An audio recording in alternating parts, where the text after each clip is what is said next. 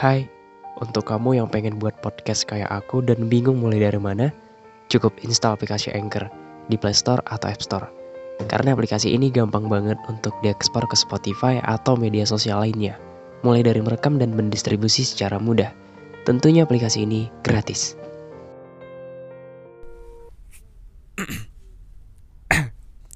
Hi, let's talk to me. Discussion about many things. Let's go.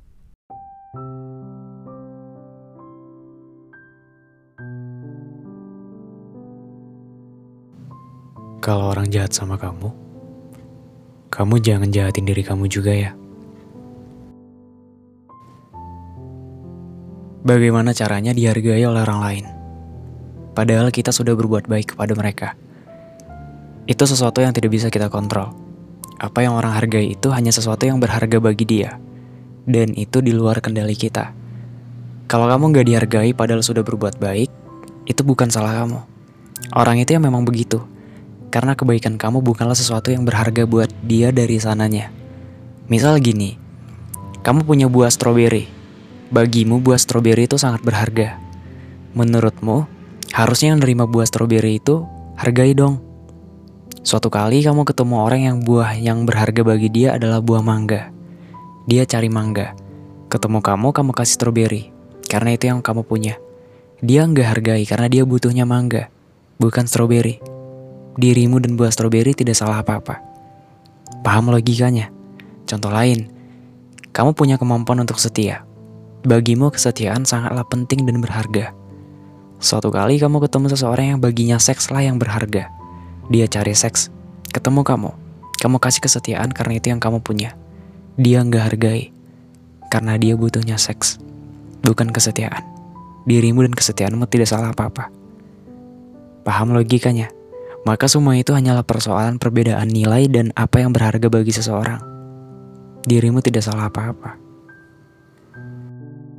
Maka jangan pernah lelah untuk berbuat kebaikan. Karena kebaikan kita itu bakal kita terima di kemudian hari. Entah itu nanti, esok, atau kapan pun itu. Jangan pernah lelah. Meskipun kebaikan kita tidak pernah dibalas. Dan jangan sekali-kali pun berharap untuk dibalas. Lakukanlah kebaikan dengan tulus dari hati kamu. Jangan semata-mata berbuat kebaikan hanya untuk mencari nilai dari manusia. Hanya untuk mencari pandangan dari manusia. Bahwasanya kamu itu orang yang baik. Jadilah baik hanya karena diri kamu sendiri. Dan itu emang pada hakikatnya manusia itu harus berbuat kebaikan. Um, kita sama-sama buka logika kita, sama-sama buka pikiran, biar kita tuh makin fresh dalam menjalani kehidupan. Misal, saat ini kamu berada di sebuah sekolah SMA yang favorit banget, yang diidam-idamkan oleh semua orang. Dan alhamdulillahnya kamu keterima, kamu masuk ke dalamnya. Orang tua pasti bangga dengan itu semua. Orang tua ikut bahagia. Bahkan orang tua bercerita kepada tetangga, kepada saudara, teman-temannya, bahwasanya, nih, anak aku pinter banget, bisa masuk ke sekolah SMA yang favorit semua orang. Nih anakku berbakat banget nih, makanya bisa masuk. Anakku emang pinter banget dari SMP, makanya dia bisa masuk ke SMA yang predikatnya A. Orang tua beranggapan seperti itu. Karena orang tua bangga dengan itu semua, orang tua ikut bahagia, orang tua juga ikut memasukkan kamu ke sebuah bimbingan les, tempat bimbingan belajar tambahan, biar kamu tuh makin pinter. Kamu iya-iyain aja dengan itu semua, karena kamu anak yang penurut. Setelah beberapa bulan atau beberapa hari, kamu ikut ke dalam bimbingan les tersebut. Dari sekolah, ada yang namanya ujian semester. Anggaplah saat ini kamu berada di ujian semester kenaikan kelas. Orang tua yang udah masukin kamu ke bimbingan les, orang tua yang udah beranggapan kamu tuh pinter karena kamu tuh bisa masuk ke sekolah favorit, orang tua yang udah berharap kamu bakal dapet juara satu, dan kamu juga berharap sedemikian rupa. Karena kamu udah belajar mati-matian. Kamu sampai begadang. Kamu sampai hafal rumusnya. Bahkan kamu tuh sampai nggak tidur demi itu semua biar dapat peringkat satu. Hasil dari semester kenaikan kelas keluar. Kamu tidak dapat peringkat satu atau peringkat dua atau peringkat tiga. Tapi yang kamu dapat itu peringkat 20 dari 30 siswa. Setelahnya, kamu ngasih tahu ke orang tua. Ayah, ibu, aku dapat peringkat 20 dari 30 siswa. Orang tua pasang wajah datar. Tidak berekspresi, tidak bahagia, tidak tertawa, tapi mereka marah. Mereka mungkin berkata seperti ini. Loh, kok kamu bisa dapat peringkat seperti ini? Padahal kamu tuh pinter bisa masuk ke sekolah favorit. Padahal ayah sama ibu udah masukin kamu ke bimbingan les. Ayah sama ibu udah ngasih kamu fasilitas. Ayah sama ibu udah mati-matian cari duit biar kamu tuh biar pinter. Kok dapat segini sih? Emang kamu anak yang malu-maluin? Emang kamu anak yang gak berguna? Emang kamu anak yang bodoh? Bisa-bisanya dapat peringkat seperti ini. Setelahnya kamu pun masuk ke kamar, kunci pintu dan menangis. Setelah menangis, mungkin kamu juga nyalahin diri kamu sendiri. Iya juga ya, kenapa aku tuh bodoh, kenapa aku tuh gak bisa bahagiain orang tua, kenapa aku tuh lahir ke dunia ini. Kenapa aku tuh sebenarnya gak pengen. Aku pengen mati aja. Aku gak pengen hidup. Aku udah ngecewain orang tua, udah ngecewain orang sekitar. Aku gak pengen. Aku pengen mati aja. Bahkan kamu tuh sampai self harm. Kamu udah ngelukain diri kamu sendiri. Kamu gak makan, gak minum, gak keluar kamar, di kamar mulu, rebahan, atau mungkin kamu sampai ngelukain diri kamu sendiri. Oke, Anggap ini perumpamaan.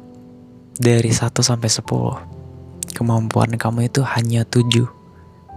Hanya 7. Oke? Kemampuan kamu itu hanya 7. Karena manusia ini gak ada yang sempurna kan? Ada kelebihan dan kekurangannya, maka kita anggap batas maksimalnya itu 9. Sepuluhnya itu udah keren banget, udah manusia yang sempurna. Dan manusia itu kan gak ada yang sempurna. Oke, anggap itu batas maksimumnya itu 9. Kamu hanya 7. Kemampuan kamu hanya 7, bakat kamu tuh hanya 7. Mungkin mendapatkan dua nilai lagi biar mencapai 9, kamu mungkin belum bisa atau mungkin kamu gak mampu. Kamu gak bisa, gak akan bisa. Orang-orang atau orang tua saudara, lingkungan kamu, teman-teman kamu, pasangan, dan lain sebagainya beranggapan, berekspektasi kamu bakal bisa dapet angka 9 atau angka 8 atau kamu dapet peringkat satu kayak tadi. Itu orang orang-orang yang beranggapannya, orang tua beranggapan seperti itu. Padahal kemampuan kamu tuh cuma 7 atau kemampuan kamu masih 7 belum diasah untuk mencapai angka 8 atau 9. Maka jangan sedih ketika ekspektasi mereka tidak terjadi kehidupan kamu.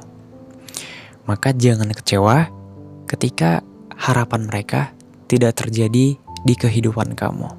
Kayak yang tadi tuh, kan orang tua yang beranggapan kamu tuh dapet angka 9 atau angka 8. Padahal enggak, kemampuan kamu cuman atau masih di angka 7.